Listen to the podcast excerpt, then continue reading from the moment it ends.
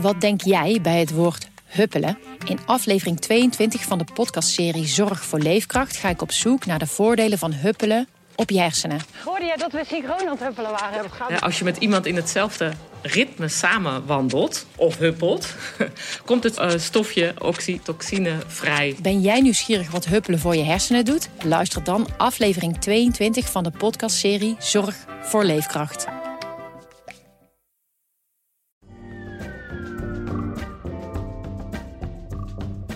Welkom bij Wijsneuzen de Verkiezingen. De wekelijkse podcast van Trouw voor alle kiezers die het hoog tijd vinden dat ook de democratie gevaccineerd wordt. Gewoon een goede prik in de arm dat we er weer even tegen kunnen. Mijn naam is Frits van Ekster en mijn vaste tafelheer is Menno Hurekamp, politicoloog, verbonden aan de Universiteit voor Humanistiek. Deze aflevering staat in het teken van migratie, vluchtelingen, integratie, diversiteit, identiteit en cultuur. Veel te veel, maar ze hebben allemaal op de een of andere manier toch iets met elkaar te maken. Het zijn thema's waarin links en rechts, en misschien nog rechtser, lijnrecht tegenover elkaar lijken te staan. Wordt het de splijts van in de komende formatie? Daarover praten we met Wendemoed Boersma, politieke directeur van Trouw, en Naima Azoug, oud-politicus en nog steeds zeer maatschappelijk betrokken op vele fronten. Welkom. Menno, um, deze week hebben maar liefst 41 verschillende politieke partijen een kandidatenlijst uh, aangeleverd. Nou, ze zullen misschien niet allemaal uiteindelijk halen, maar het belooft wel een record te worden. Is dat goed nieuws? Uh, ja, op het eerste gezicht zou je zeggen dat dat absoluut goed nieuws is. Want dat betekent dat veel mensen zich graag met de democratie willen bemoeien. En dat is goed nieuws. Het is beter dat er veel mensen zich met de democratie bemoeien dan dat er weinig mensen zich mee bemoeien. Maar tegelijkertijd is het ook een beetje treurig als je nagaat dat het ook betekent dat heel veel mensen dus zeggen: geen enkele politieke partij past echt bij mij. Ik kan maar het beste namens mezelf het woord voeren. Ik kan maar het beste niet mijn stem aan iemand anders geven, maar gewoon mezelf breed maken. Ik, ik wil gehoord worden. Ik, ik, ik en de rest, ja, ik weet het niet. Ik vind die andere partijen allemaal niks. En dat zie je eigenlijk in zijn meest pijnlijke vorm op dit moment natuurlijk wel een beetje terug bij de bestaande linkse partijen, die er, ja, waarvan er net iets te veel zijn om uh, het gehele geluid te laten horen. Dus Partij van de Arbeid, GroenLinks en D66 doen het eigenlijk, en de SP, doen het allemaal maar zo-zo in de peilingen. Als je ze op een hoopje zou geven, zou het een stevige club zijn. Maar al die mensen onderling zeggen: nee, nee, nee. Wij hebben een net iets ander geluid. Wij zijn een net iets andere club met een net iets andere bloedgroep. We hebben net iets andere vergadercultuur. Dit, dat, zus, zo. En dus gaan we allemaal samen voor ons eigen. Ja, Naima, jij bent uh, Kamerlid geweest voor GroenLinks tussen 2002 en 2010. Um, en je staat inmiddels wat verder van het Binnenhof af. Vind je dat ook wat Menno zegt betreurenswaardig dat het toch niet lukt aan die kant van het politieke spectrum om gewoon één wat linksige volkspartij te vormen? Nou, ik, ik, treur die, ik deel die treurnis niet. Ik denk dat dat een fact of politics is, eerlijk gezegd. Kijk naar de rechterzijde, daar is toch veel ze ook allemaal voor, voor hun eigen, om het zo maar te zeggen. Dus ik snap niet goed waarom het uh, uh, bij links wordt neergelegd. Want je ziet het bij, uh, op veel, veel, veel meer fronten binnen de stromingen binnen het politieke bestel. En het is natuurlijk ook makkelijker gezegd, ga allemaal samen op. Want vroeger was het dan een geheid recept voor winst, vooral voor de grootste partij. Dat was destijds in ieder geval de PvdA, dat is nu niet meer het geval. Het kan dan zijn dat er een... Uh, ik kan me heel goed voorstellen dat mensen juist nu behoefte hebben aan partijen die um, aan, uh, aan hun waarden voldoen, aan hun ideeën voldoen. En dat daarin ja, nuanceverschil wel belangrijk is. Hmm. Wel moet voor politiek verslaggever lijkt me wel ingewikkeld worden met al die partijen. Klopt. Dat is nu al zo waarschijnlijk. Ja. ja. Dat zie je ook in de Kamerdebatten waarin je eindeloos... Uh, hè, deze week ging het dan over de, het lek, de datalekken bij de GGD. En dan gaat iedereen weer zijn hele riedel afsteken. Ik weet niet of dat nou goed is voor de democratie. Ja, ik ben er een beetje gemengd in, maar praktisch levert het in ieder geval veel problemen op. Want je moet ook uh, besluiten aan wie besteed je nog aandacht. Waar ligt de grens? Uh, partijen die nu al kamerzetels hebben, maar dan geef, benadel je dus de mensen die echt wel kans maken op een zetel.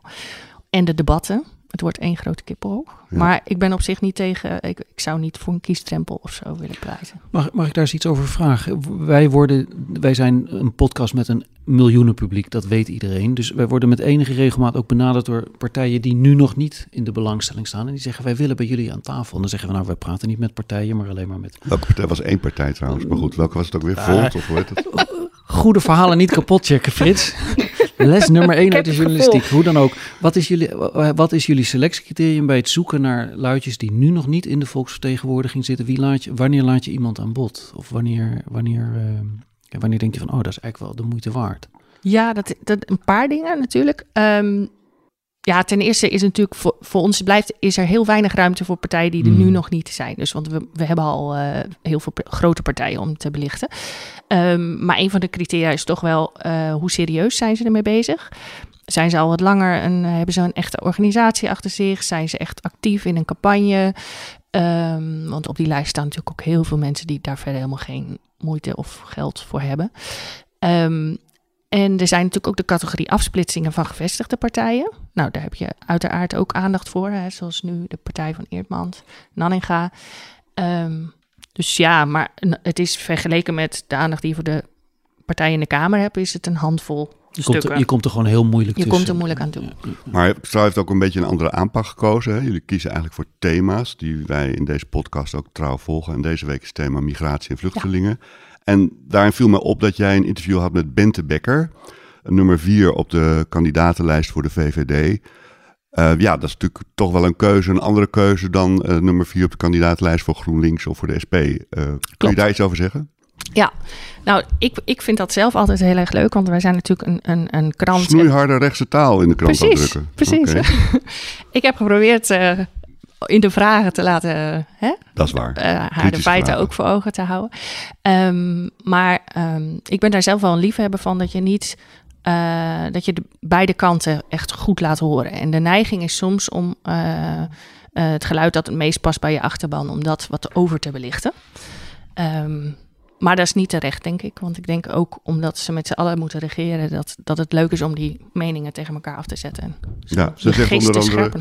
Ze zegt onder andere het Kamerlid: Wij willen in dit complexe dossier alles aangrijpen om het beleid strenger en beter te maken. Dus het was echt stevige taal. Wat ook een beetje het programma van de VVD op dit punt weer Als, Ja. als je het woordje streng uit het VVD-programma schrapt, dat ik even gedaan heb, bij wijze van oefening, dan is het 20% korter.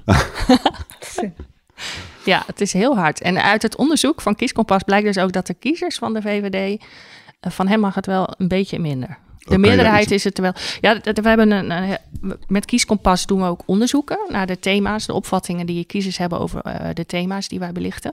Dus deze week wa- waren de uitkomsten van het onderzoek naar migratie. En dat wordt ook uitgesplitst per partij. Dus dan, kan, je- dan kun je zien, nou, een deel van die uitkomst is voorspelbaar. Op links zijn meer voorstanders van eh, ruimere migratie, eh, meer vluchtelingen toelaten. Eh, vrouwen zijn over het algemeen meer pro-migratie dan mannen. Jongeren iets meer dan ouderen. En hoogopgeleiden iets meer dan laagopgeleiden. Maar bij de VVD vonden we toch wel ook wel opvallende dingen. Dat een derde bijvoorbeeld zei van we hadden best meer mensen uit Griekenland, uit die Griekse opvangkampen kunnen opnemen. Moria, ja. Moria, terwijl dat een van de grote twistpunten van de coalitie was. Dat de VVD Daar is de coalitie bijna uit elkaar gevallen. Precies, ging daar keihard voor liggen. Dus ondanks dat er dus een meerderheid van de VVD-kiezers wel voor die stellingen uit hun programma is, zie je toch een, echt een, een derde zegt van nou, zo hard hoeft het ook weer niet. Ehm, ik denk dat uit veel meer onderzoek laat zien dat kiezers veel genuanceerder over migratie en dat type vraagstukken zijn dan het wordt uitgevochten in de politiek. Ik denk dat, en de media spelen daar ook een rol in. Dus zowel de media als de regering spelen daar een rol in, in het keihard uitspelen van dit type kwesties, terwijl het, het gros van de bevolking er tamelijk genuanceerd over is. Naima, wat denk ja, jij? migratiebeleid is bij, uh, van oudsher een thema waar um, realiteit en perceptie niet per se met elkaar, bij elkaar komen. En uh, met name in de politieke, in het politieke frame. En dat geldt niet alleen voor rechts, eerlijk gezegd, ook voor links. Is het lastig om uit te gaan van wat is er nou feitelijk het geval? Wat zijn de feiten op dit moment? Wat zijn de feiten geweest? En hoe kijken we daarnaar? Hoe, hoe kijken wetenschappers daarnaar? Het, is, ja, het verbaast me niks dat uh, de kiezers zelf een stuk genuanceerder, realistischer zijn uh, dan de VVD zelf. En ik vind het ook wel echt onbegrijpelijk dat bijvoorbeeld op zo'n kwestie als 500 kinderen uit Moria naar Nederland halen. Met zoveel medestanders van VVD en CDA-huizen van op lokaal niveau dat dat niet gelukt is. Dat daar zo'n tegenstand in Den Haag is opgeleverd. Ja, dat Kun je dat zijn, verklaren? Uh, nou ja, natuurlijk. Dat is, uh, het is denk ik die beroemde uh, PVV-corvée, om het zo maar te noemen. PVV-corvée? dat men, nou, hè, zoals ze dat noemen blijkbaar. Ik, ik, ik ben al elf jaar weg hoor, dus uh, oud-politicus, dat hoor ik niet zo vaak meer. Maar wat ik wel begrepen heb, is dat er bij de VVD um, intern heerst dat er zo nu en dan, dat er regelmatig een bepaald geluid moet uh, klinken om ervoor te zorgen dat de stemmen niet, uh, van die kant niet allemaal richting PVV en wellicht ook Forum voor Democratie gaan. En dit hoort daar volgens mij ook sterk bij, dat men niet weer een pardon bij wijze van spreken, dat is ook blijkbaar een soort van uh, trauma voor bepaalde rechtse partijen geweest. Uh, en, en, die 500 kinderen, ook al zijn het er maar 500, ook al zijn het kinderen, is verworden tot een soort van aflaat die niet eens meer een aflaat is. Ik, ik vind het echt beschamend. Het CDA, heeft daar ook niet, het CDA heeft daar ook niet aan mee willen werken. Hè? Nee, precies. Geldt ook voor het CDA. Maar is het niet iets te makkelijk omdat uh, we dan toch heel erg van uitgaan van, joh, nu gaat het om die 500, we moeten niet zo moeilijk doen. Maar over de hele linie kun je toch ook vaststellen dat het toelaten en opvangen van grote groepen mensen uit andere landen uh, voor de samenleving best wel pittig is. En dat draagvlak daarvoor eigenlijk ook wel steeds verder afbrokkelt. Ondanks dan misschien dat sommige VVD'ers vinden dat je die ene groep best wel een kans had mogen geven. Waarbij je dan zou kunnen interpreteren dat de relatieve verdraagzaamheid van de VVD-kiezer er iets mee te maken heeft dat ze er in hun dagelijks leven misschien niet zoveel van merken. Bijvoorbeeld. Ja, dat kan inderdaad. Ik denk ook wel, ik bedoel, laat wel duidelijk zijn dat um, asielbeleid um, en migratiebeleid, want wat we hebben, het zijn twee verschillende dingen toch ja. wel, um, dat dat per definitie ingewikkeld is en dat er allerlei angels zijn, dat het uh, zeker niet vanzelfsprekend makkelijk is om mensen in Nederland hier op te vangen en uh, goed te laten landen. Nee.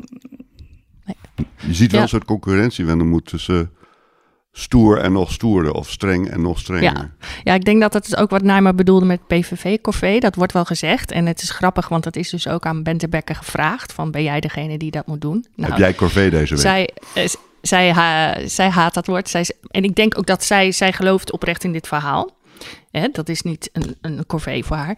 Uh, maar ik denk, er zijn twee dingen. Het is inderdaad complex, maar het is ook nu in deze coronatijd... is migratie een, een, een punt waarop uh, partijen zich heel goed kunnen onderscheiden... ideologisch gezien.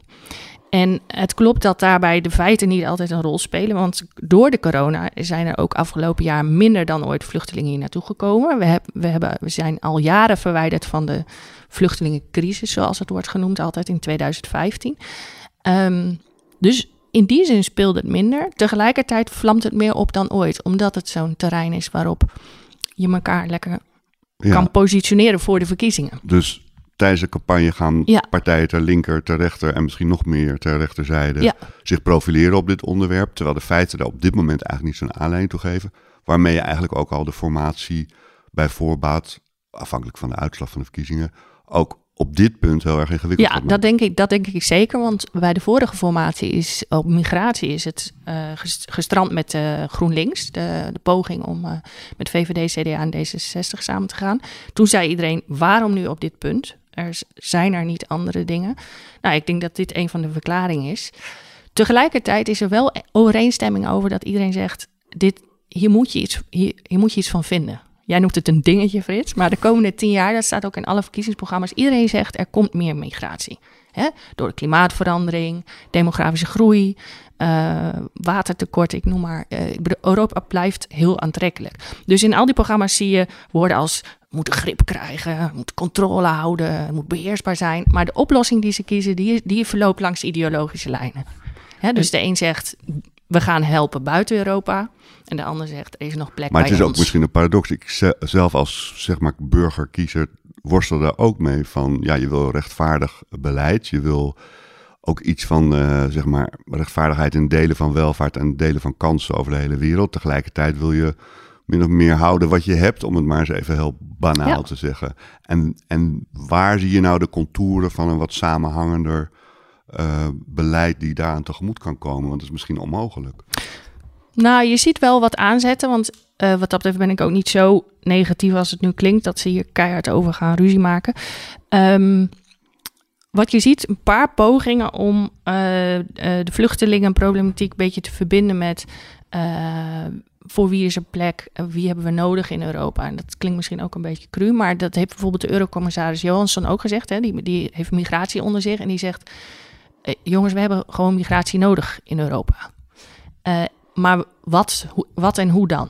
En je ziet een paar partijen dat met elkaar verbinden. Dus die zeggen: we moeten het ook hebben over tijdelijke verblijfsvergunning om te werken. Uh, en dat is nu nog een zaak van in Europa van ieder voor zich. Bijvoorbeeld Spanje heeft hele goede afspraken met Marokko voor, seizoenswerk. Maar dat is ook heel goed. Maar dan wordt dat zou enorm depolitiseren. Op het moment dat je begint te praten over de mate van sociale voorzieningen die mensen wel of niet, waar mensen wel of niet recht op hebben, wat je wel of niet mee mag nemen als je pensioen verdiend hebt of als je afgedragen hebt voor verzekeringen, dat type dingen en je, en je, en je, en je gaat weer dan krijg je een heel ander type gesprek. Maar waar we natuurlijk nu voor een deel over aan leiden, is dat de, de hele politieke beweging en masse naar links is geschoven in sociaal-economisch opzicht. Iedereen wil een hoger minimumloon, iedereen wil meer investeren, iedereen wil, want ja, geld is natuurlijk gratis nu, hè, over, overheidsgeld is nagenoeg gratis. Dus dat wil bijna elke politieke partij zoveel mogelijk over de balk gooien de komende jaar. Dus nou, dan moet je op een ander terrein onderscheiden. En daarom en ik denk het nog hard gespeeld nu. Ja, ik vroeg me af in hoeverre dat um, zo is. Is, dat zo,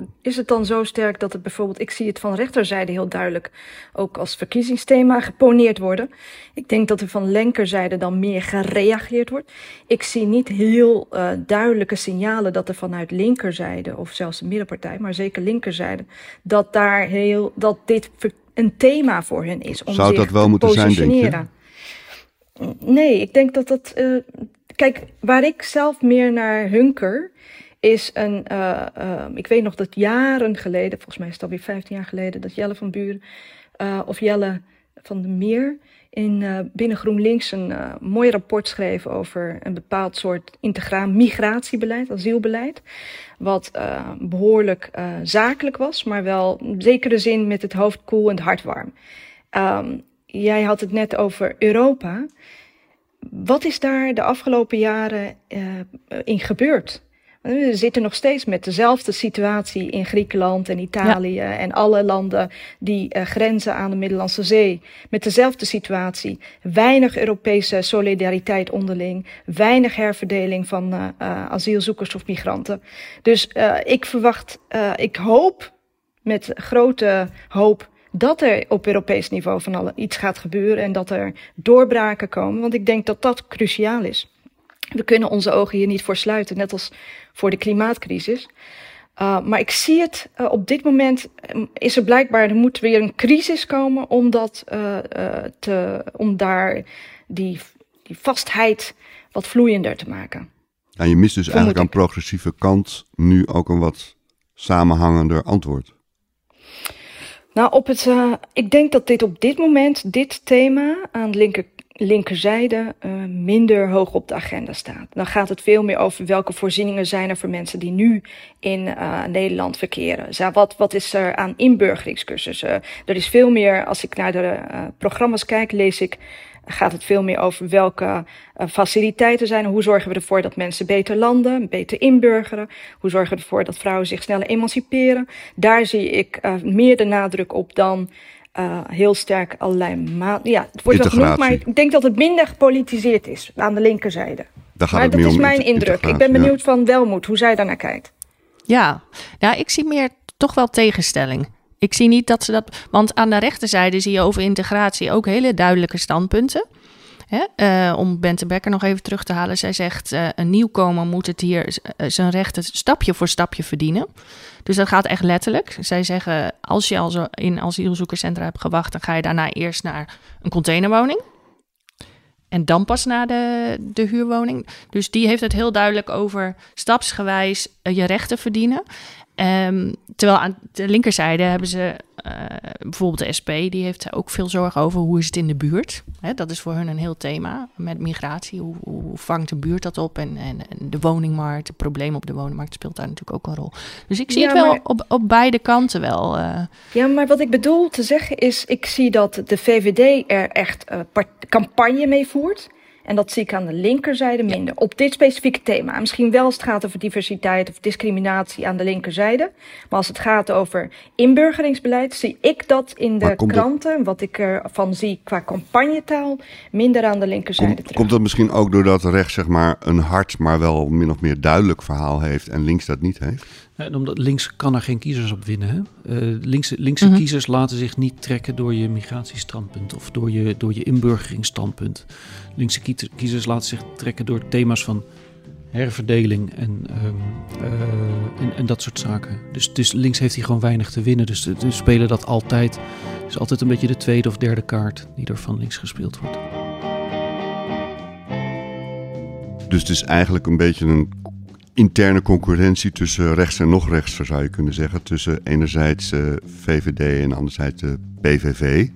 Um, Naima, uh, Trouw had uh, van de week zaterdag een hoofdartikel waarin eigenlijk de suggestie wordt gedaan om te onderzoeken of de PVV, gelet op het partijprogramma, niet ja, zeg maar, strijdig is met het eerste artikel van onze grondwet over discriminatie. en dus verboden zou moeten worden.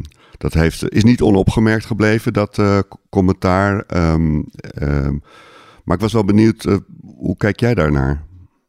Vind je dat zo'n partij eigenlijk verboden zou moeten worden? Of dat je dat zou moeten onderzoeken op zijn minst? Een partij die wil de-islamiseren bijvoorbeeld. Ik wil eigenlijk eerder terug naar het bericht zelf. Ik was namelijk um, heel. Um, ik vond het heel interessant dat de trouw dit deed. En dat de trouw dit namens de hele uh, nou ja, de hele krant, om het zo maar te zeggen, deed. Hè? Want het werd vaak uh, gepind aan Kees van der Laan als hoofdredacteur, maar dit is een standpunt wat de krant inneemt. En ik ben um, de vervolgvraag die jij mij net stelt. Maar ik was zelf eerlijk gezegd vooral, uh, ja, misschien wel positief verrast dat er zo duidelijke taal werd gebruikt. En dat is namelijk toch wel relatief nieuw. Hè, tien jaar geleden, vijf jaar geleden was het nog heel gevoelig om überhaupt een, term als racisme of dit is racistisch uh, over bijvoorbeeld een politieke partij te zeggen. Um, dat een krant dit zo doet, vond ik in dat opzicht wel een hele duidelijke stellingname waarvan ik denk dat die belangrijk is in het politieke debat en in het publieke debat met name. Ik denk dat je niet moet onderschatten wat, en dan gaat het niet, ik begrijp dat je me de vraag stelt, van moeten we dan vervolgens, daar ga ik eerlijk gezegd, uh, ik vind, de, mij lijkt het ten eerste, um, um, ga je daarmee voorbij aan het feit dat je eerst iets hebt geconstateerd. En ik denk dat veel anderen het wellicht mee eens zijn, maar het niet durven te zeggen. En daar zou ik dan eerder iets aan willen doen. Dan vervolg meteen die uh, vervolgvraag die de trouw poneert en zelf ook niet beantwoordt. Nee. Laten we wel wezen. Um, ik denk dat je uh, daarmee kan je misschien een hele karrevracht aan uh, problemen creëren. Waarmee je niet een oplossing voor het zien van wat er gebeurt en het benoemen van wat er gebeurt. En dat is wat mij betreft de kern van. Maar loop je dan niet het risico dat het dan meer gaat over de vraag of je het, hè, ik stel hem dus ook, over het al dan niet verbieden, terwijl het uh, eigenlijk misschien zou moeten gaan over ja, nee, hoe gewoon is het om op zo, zulke standpunten in te nemen en waarom zijn we daar zo aan gewend geraakt op dit moment?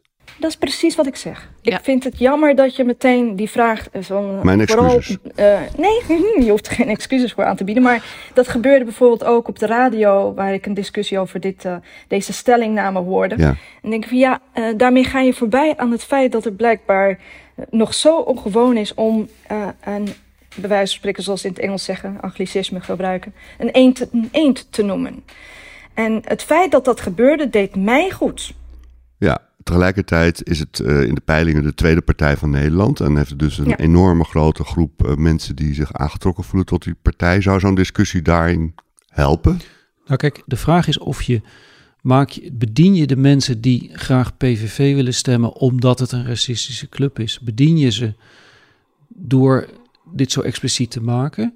Wie, hè, help je hen verder in het zadel? Of help je de mensen die zich onbehagelijk voelen bij deze kwestie verder in het zadel? En ik denk dat het eerste misschien een bijeffect is. Dat het misschien wel ook helpt. De luidjes die, die inderdaad die het ontzettend prettig vinden dat de PVV zo agressief opereert. Maar dat het veel belangrijker is, wat Nijma ook zegt, dat, we, dat het uitdrukkelijker gemaakt wordt van dat het veel en veel en veel te ruig is in democratische termen, wat de PVV opschrijft. En dat we daar heel achterloos over gesproken hebben lange tijd. En dat het heel erg weggemoffeld is. Terwijl als je onder een rijtje ziet wat er op zwart, zwart op wit is gezet door Geert Wilders in zijn partijprogramma, is dat gewoon ver en ver over alle grenzen heen. En daar hebben we, heel, daar hebben we echt achterloos over gesproken, omdat we bang waren dat we de PVV verder in de kaart zouden spelen. Lange tijd is, er, is het allemaal een beetje weggemoffeld van ja, voorzichtig nou maar. En hij bedoelt het allemaal niet zo kwaad, maar het gaat van kwaad tot erger. Ja. In- inclusief ikzelf hoor. Ik bedoel, ik moet eh, die handschoen ook opnemen. Ik heb zelf ook eh, heel vaak niet deze termen gebruikt en ehm, dat niet zo geduid, dat niet zo benoemd. Om, eh, zeker destijds in de Tweede Kamer, omdat je daarmee de discussie zou platslaan, omdat je daarmee alleen maar dat het contraproductief zou werken.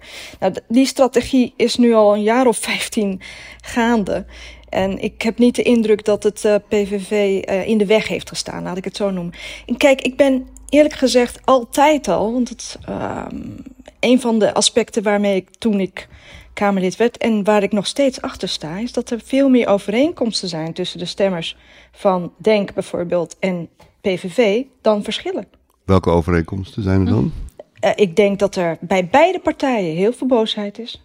Dat er bij beide eh, eh, bevolkingsgroepen of eh, groepen die zich achtergesteld voelen in de samenleving, die onzeker zijn over hun toekomst, die het gevoel hebben dat ze niet gezien worden, die de, een groot wantrouwen hebben ten opzichte van, of wantrouwen hebben ten opzichte van instituties, die de indruk hebben dat er over hen gesproken wordt in plaats van met hen. Dat zijn volgens mij uh, bepaalde kenmerken die ze eerder gemeen hebben dan dat, het, uh, dan dat ze daarin verschillen van elkaar. En ik zou, ik heb altijd, wat mij wel opvalt is dat er zeker sinds 9-11, ook zeker sinds de moord op Fortuin, maar misschien daarvoor nog wel, met het stuk wat Frits Bolkestein ooit schreef. En natuurlijk het multiculturele drama van uh, Paul Scheffer. Dat er altijd heel veel aandacht is geweest voor de boze witte burger, zoals die bekend is komen te staan, als bijna een soort van categorie. Um, maar er is ook echt een boze andere burger, om het zo maar te zeggen. Of een boze niet-witte burger, of een boze burger met een migratieachtergrond. En zijn die burgers boos over dezelfde dingen? Nou, ik denk dat uh, veel van de aspecten waar ze zich um, uh, in de kern druk over maken, is over hun kinderen. Over in hoeverre hun kinderen dus, uh, een betere toekomst tegemoet kunnen zien. Dat, ik denk dat er ook veel overeenkomsten zijn als het gaat bijvoorbeeld over migratie of over asielbeleid. Ik weet zeker dat er ook onder groepen die hier al die langere tijd wonen, die hier gewoon ingeburgerd zijn, waar je eigenlijk niet meer van integratie hoeft te spreken, want integratie uh, heeft zou een eindstation moeten hebben in bepaalde opzichten, laat ik het zo noemen. Maar dat ook daar bijvoorbeeld bepaalde gevoelens van uh, angst voor nieuwkomers, wat, die, wat gaan die dan voor ons betekenen? Gaan die, uh, ik al die aannames die niet altijd op feiten gebaseerd zijn als het gaat over huizen of over aanbod, over uh, banen, et cetera, over plek innemen. Maar het gaat dat natuurlijk ook een zeker. beetje om hoe je die, die boosheid zeg maar, vertaalt in politiek. En bijvoorbeeld uh, waar de een dan kiest voor zeg maar, een anti-islamitische, uh, discriminatoire of racistische, zo je wilt, uh, programma, kiest de ander voor een andere weg. Dus het is mooi dat ze dat gemeen hebben, maar een, het betekent nog niet dat ze zich ook uh, snel zullen verenigen, denk ik. Uh, net, zo, nee, net zo min. Nee. Ik denk dat, dat nog eerder GroenLinks en PvdA fuseren dan dat zij gaan fuseren. Laat ik nou, het zo zeggen. Uh, Frits, nu maak je natuurlijk een mooie, hele mooie karikatuur van wat ik zei. Ik had het gedaan kunnen Want hebben. dat is absoluut niet wat ik zeg. Ik denk ook helaas niet dat die twee zich tot elkaar zouden gaan verhouden. Maar het zou mooi zijn als daar juist meer open ruimte voor kwam dat we meer naar wat is er nou, wat zit daar nou in gemeenschap, aan gemeenschappelijks tussen die groepen. En ik denk ook dat daar ja, een krant als De Trouw bijvoorbeeld uh, een hele belangrijke rol in te spelen heeft. Um, en ik ben benieuwd of jullie dat nou ook zien. Of dat ik misschien, nee, nou, dat ik, dat nou, mijn uh, perceptie is. Mag ik, mag ik uh, misschien toch een klein beetje, ik schakel misschien door van de, de, de, de, bo, de varianten van boze burgers. Of de tegenstelling tussen de boze burgers en de burgers die eigenlijk helemaal niet bo boos zijn. Met de constatering dat de regering die er nu zit nog steeds een ruime meerderheid, meerderheid haalt in de peilingen. Uh, en uh, groeiend misschien wel. En dat de kwestie van het, het, het, racisme, en dan heb ik het, gaat het toch nu echt wel weer even over de boze burgers, dat sluimerde onder de toeslagenaffaire. Ehm, dat lijkt eigenlijk Mark Rutte in het geheel niet te schaden. Sterker nog, misschien wel een beetje een zetje in de, de rug te geven. Een veronderstelling bij zijn achterban dat waar rook is, is vuur. En dat als die, uh, ja, als die ouders die blijkbaar uh, zoveel uh, fraudegevallen achter hun reet hadden, misschien nu onschuldig waren, nou dan hebben ze misschien in een ander geval wel wat gedaan. Um, dus de, e, even de, hevige verontwaardiging tegen het eind van het jaar is totaal weggeëpt in de, in de, lijkt totaal weggeëpt in de verkiezingsstrijd. En dus waar er misschien aan PVV-kant en aan denkkant boosheid leeft, leeft er in, in, dat, zeg maar, in dat hart van de mensen die deze regering steunen geen enkele boosheid. Er is geen, er is geen enkele verontwaardiging, er is geen enkele onrust. Het is, het is Voor zover niets, waarneembaar. Nee, er lijkt niets van te, niets van te Geen enkele boosheid over dat de overheid hen te pakken genomen zou hebben, of in de maling genomen zou hebben, of belogen zou hebben. Daar is althans geen agressie over meetbaar in kiezersgedrag als je naar de peilingen kijkt. Ja, ik, ik, ik ben het met je eens dat dat gek is. Maar ik denk dat de grootste verklaring niet ligt in dat die boosheid er helemaal niet is, maar dat uh, we een enorme coronacrisis hebben. En dat het effect van uh, we hebben mensen nodig die ons uit die crisis halen. En laat het dan maar de, die bekende kop van Mark Rutte zijn. Dat dat effect zo sterk is. Um, dat dit uh, schouw, schaduw werpt over de verschijnselen die jij noemt. Dat is mijn indruk ook, eerlijk gezegd. Ja. Ik denk dat het uh, Want ze zijn, gaat over vertrouwdheid. Precies. Maar ik vind het wel leuk om nog even aan te haken op wat Nijmer zei over uh, die overeenkomsten.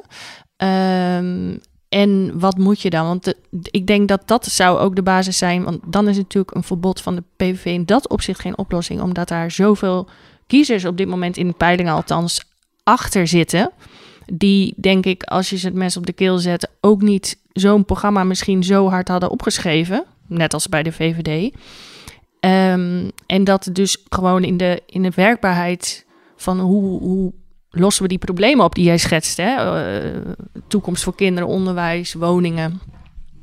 Dat dat, uh, dat dat daar wel aan gewerkt moet worden. Dat ben ik wel met je mhm, eens. Absoluut. Ja. ja. Ik denk ik vind het heel interessant wat er de afgelopen... Ja, tegelijkertijd uh, denk ik wel, wat, wat, wat dus verhindert, dit programma verhindert, zie je de samenwerking met, ja.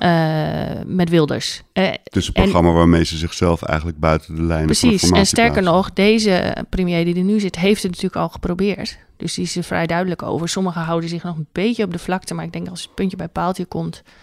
Zo'n Hoekstra heeft zich nog niet echt veel over uitgesproken.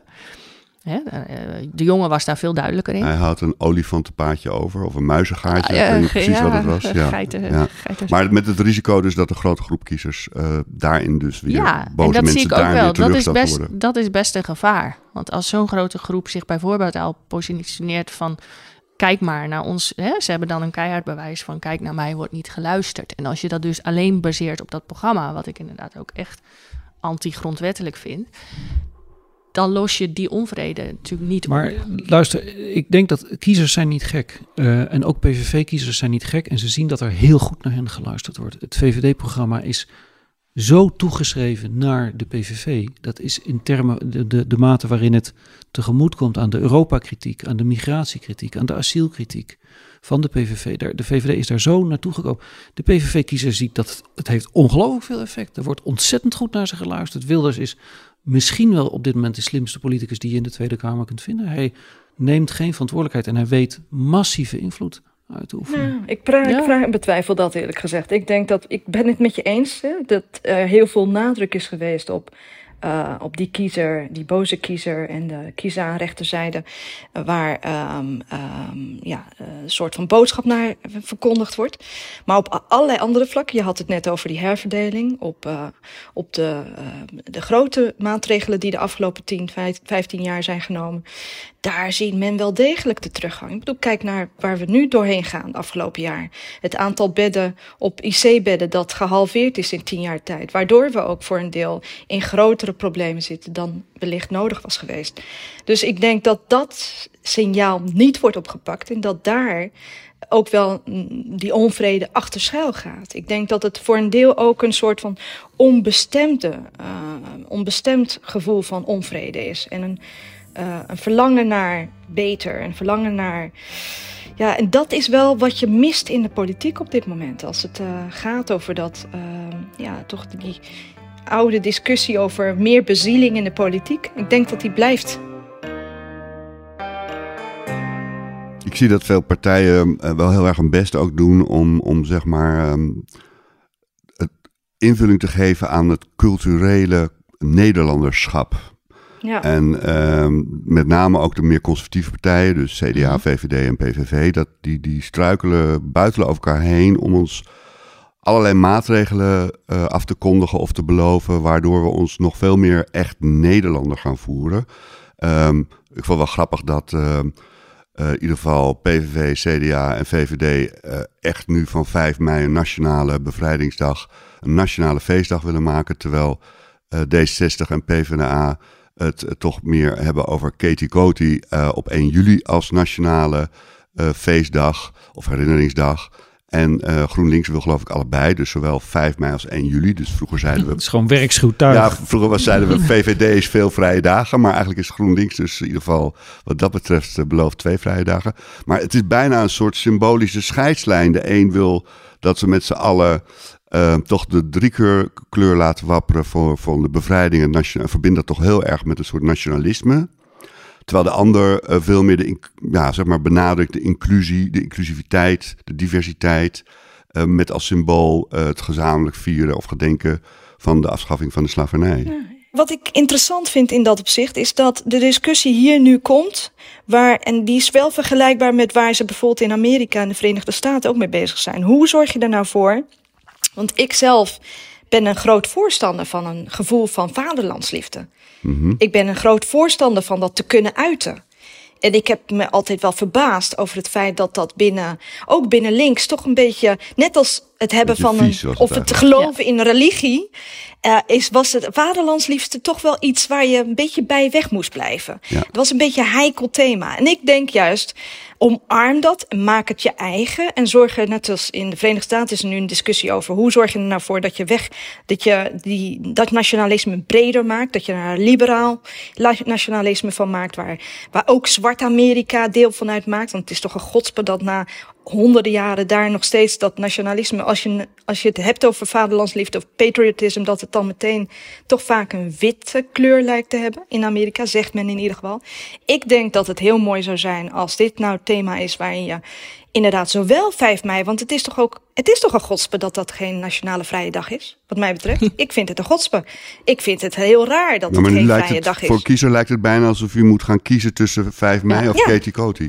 Nou, dat is dus onzin. Daar zou ik ook niet voor zijn. Dus ik ben blij dat, we, dat GroenLinks dat gezonde verstand ook naar voren brengt. Maar dan- ja.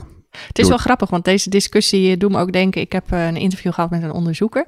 En die heeft die gevoelens eh, van dit land is van mij, eh, dit land is van ons. eh, wat je in, alle, in de hele programma's terugziet, uw Nederland of eh, onderzocht. Ehm, dat mensen die eh, dus heel sterk zo'n gevoel hebben, dit is mijn land, dat, dat dat ook een leidend gevoel is voor hoe je er denkt over migratie. En, eh, en dat, positief of negatief? nou, of- dat is dus het opmerkelijke. Dat vooral de negatieve kanten, die krijgen heel veel aandacht. En die zijn politiek, strategisch gezien ook heel succesvol op, voor rechtspopulistische partijen.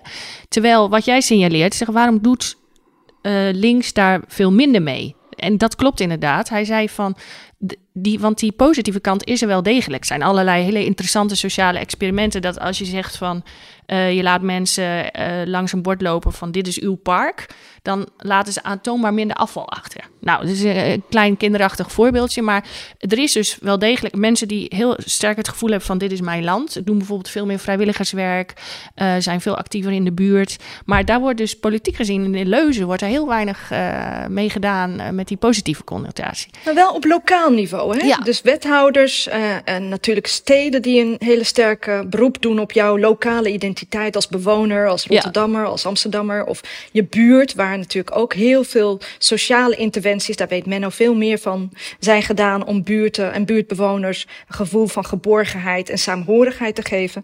Ja. Ik zou dat echt willen vertalen naar nationaal niveau. En ik zou ook echt in dat opzicht ook terug willen halen. Dat thema is niet van rechts. Het is een universeel thema wat bij alle partijen zou moeten Maar passen in ieder geval. Maar Naima, dat als je nou terugkijkt, hè, dat is toch al wel een jaar of 15 proberen ook progressieve partijen zich dit eigen te maken. De hele kwestie over nationale identiteit, dat is echt ook al 15 tot 20 jaar lang probeert, proberen Partij van de Arbeid, GroenLinks en D66 daar ook claims in te doen. Um, en eigenlijk telkens opnieuw verhardt het en droogt het uit tot tamelijk bittere tegenstellingen tussen uh, mensen die vinden dat ze hier geboren zijn en daarom veel rechten hebben, en mensen die vinden dat anderen hier niet geboren zijn, of dat hun ouders hier niet geboren zijn, of dat hun grootouders hier niet geboren zijn. Hoe dan ook, pogingen om mensen rechten te ontzeggen. Um, het, is, um, de, het lukt niet zo heel goed om, om je dit toe te eigenen. Dat is toch de realiteit. De vraag is dan bijna of, mm. of zeg maar politieke partijen wat dat betreft, laten we maar zeggen, cynischer zijn dan, dan de burgers. Nou, ik vond dat je daar wel een goed voorbeeld van zag met die opvang van die Griekse kinderen. toen zag je heel duidelijk dat in Den Haag eh, stonden de hakken in het zand bij alle fracties. Terwijl als je rond ging bellen bij heel uh, ja, mensen alle die het in de... Alle gemeenteraden ja, namen moties aan van wij willen mensen aannemen. Met VVD in de gemeenteraad. Die zeiden allemaal ja, enkele tientallen prima, hebben we plek voor. En idem bij het kinderpardon was het ook al zo gegaan. Dus dat is wel iets, ja, dat kan Maar hoe kan het nou, dan hebben, we, dan hebben we dus eigenlijk 41 partijen straks, of 40, um, die allemaal um, toch niet brengen wat misschien de burgers wel willen, namelijk een wat samenhangend, maar wel rechtvaardig beleid ten aanzien van migratie en integratie en diversiteit. Daar zit, daar zit dan zo discrepantie tussen. Hoe, hoe kan dat nou? Nou, het gaat, dat is iets te, iets te negatief gesteld. Ten eerste gaat de heleboel van die, heleboel van die 41 partijen, die blijven natuurlijk, die komen niet in Den Haag, dat is helder. Nou, die hebben wel bijgedragen aan het debat en aan het publieke de, uh, meningsverschillen en meningsdebat. Dat is alleen maar prima wat mij betreft. Um, en ik zie ook heel veel positieve ontwikkelingen. Kijk, als, uh, als ik erover nadenk, het ene moment kan je er met een heel veel verbitterdheid wellicht naar kijken en denken van, goh, wat zijn we opgeschoten de afgelopen 30 jaar? Aan de andere kant kan je ook zien, er is nu wel iets op gang gebracht. Er zijn ontwikkelingen die vijf à tien jaar geleden ondenkbaar waren geweest. Ik denk dat er um, veel meer, um, uh, nou ja, iets meer oog is in ieder geval voor de gelaagdheid van het uh, debat over diversiteit. En over um, dat er veel meer oog is voor het bestaan van racisme en discriminatie. Dat Rutte dat heeft toegegeven, en de impact, bedoel je? Precies, dat een, dat een minister-president dat uh, erkent, dat, uh, dat hij het ook heeft over een figuur als Zwarte Piet en hoe uh, die ook wellicht onwenselijk is in zijn ogen, wat mij betreft zeker. Ja, dat zijn toch ontwikkelingen waarvan ik denk, die zijn positief, die moeten we omarmen en verder brengen. Dank Naima Zoeg, dank Wennemoed Boersema, Dank luisteraars, dit was de derde aflevering van Wijsneuzen de Verkiezingen. Volgende week willen we weten hoe de politiek groeiende ongelijkheid in de samenleving denkt te bestrijden. Zit een beetje het verlengde van uh, waar we het vandaag over hadden. Ons gast is dan Monique Kremer, hoogleraar actief burgerschap, ook een mooie titel, aan de Universiteit van Amsterdam. U kunt alles over de verkiezingen en dit thema lezen in Trouw. Geert Wilders leest er misschien niet meer, maar u zou dat toch zeker moeten overwegen. U kunt ons mailen via wijsneuzen.trouw.nl Wijsneuzen wordt gemaakt door politicoloog Menno Huurkamp en Frits van Ekster. Techniek Daan Hofstee. Coördinatie Trouw Joris Belgers. Muziek Jack van Ekster. Alle afleveringen van Wijsneuzen zijn te vinden op de website van Trouw en de bekende podcastadressen. Hoort, zegt het voort.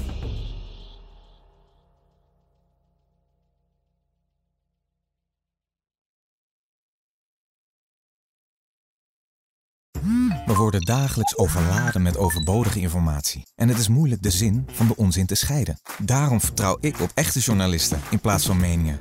Een krantenmens heeft het gemakkelijk. Word ook een krantenmens en lees je favoriete krant nu tot al zes weken gratis. Ga snel naar krant.nl. Bezorging stopt automatisch en op deze actie zijn actievoorwaarden van toepassing.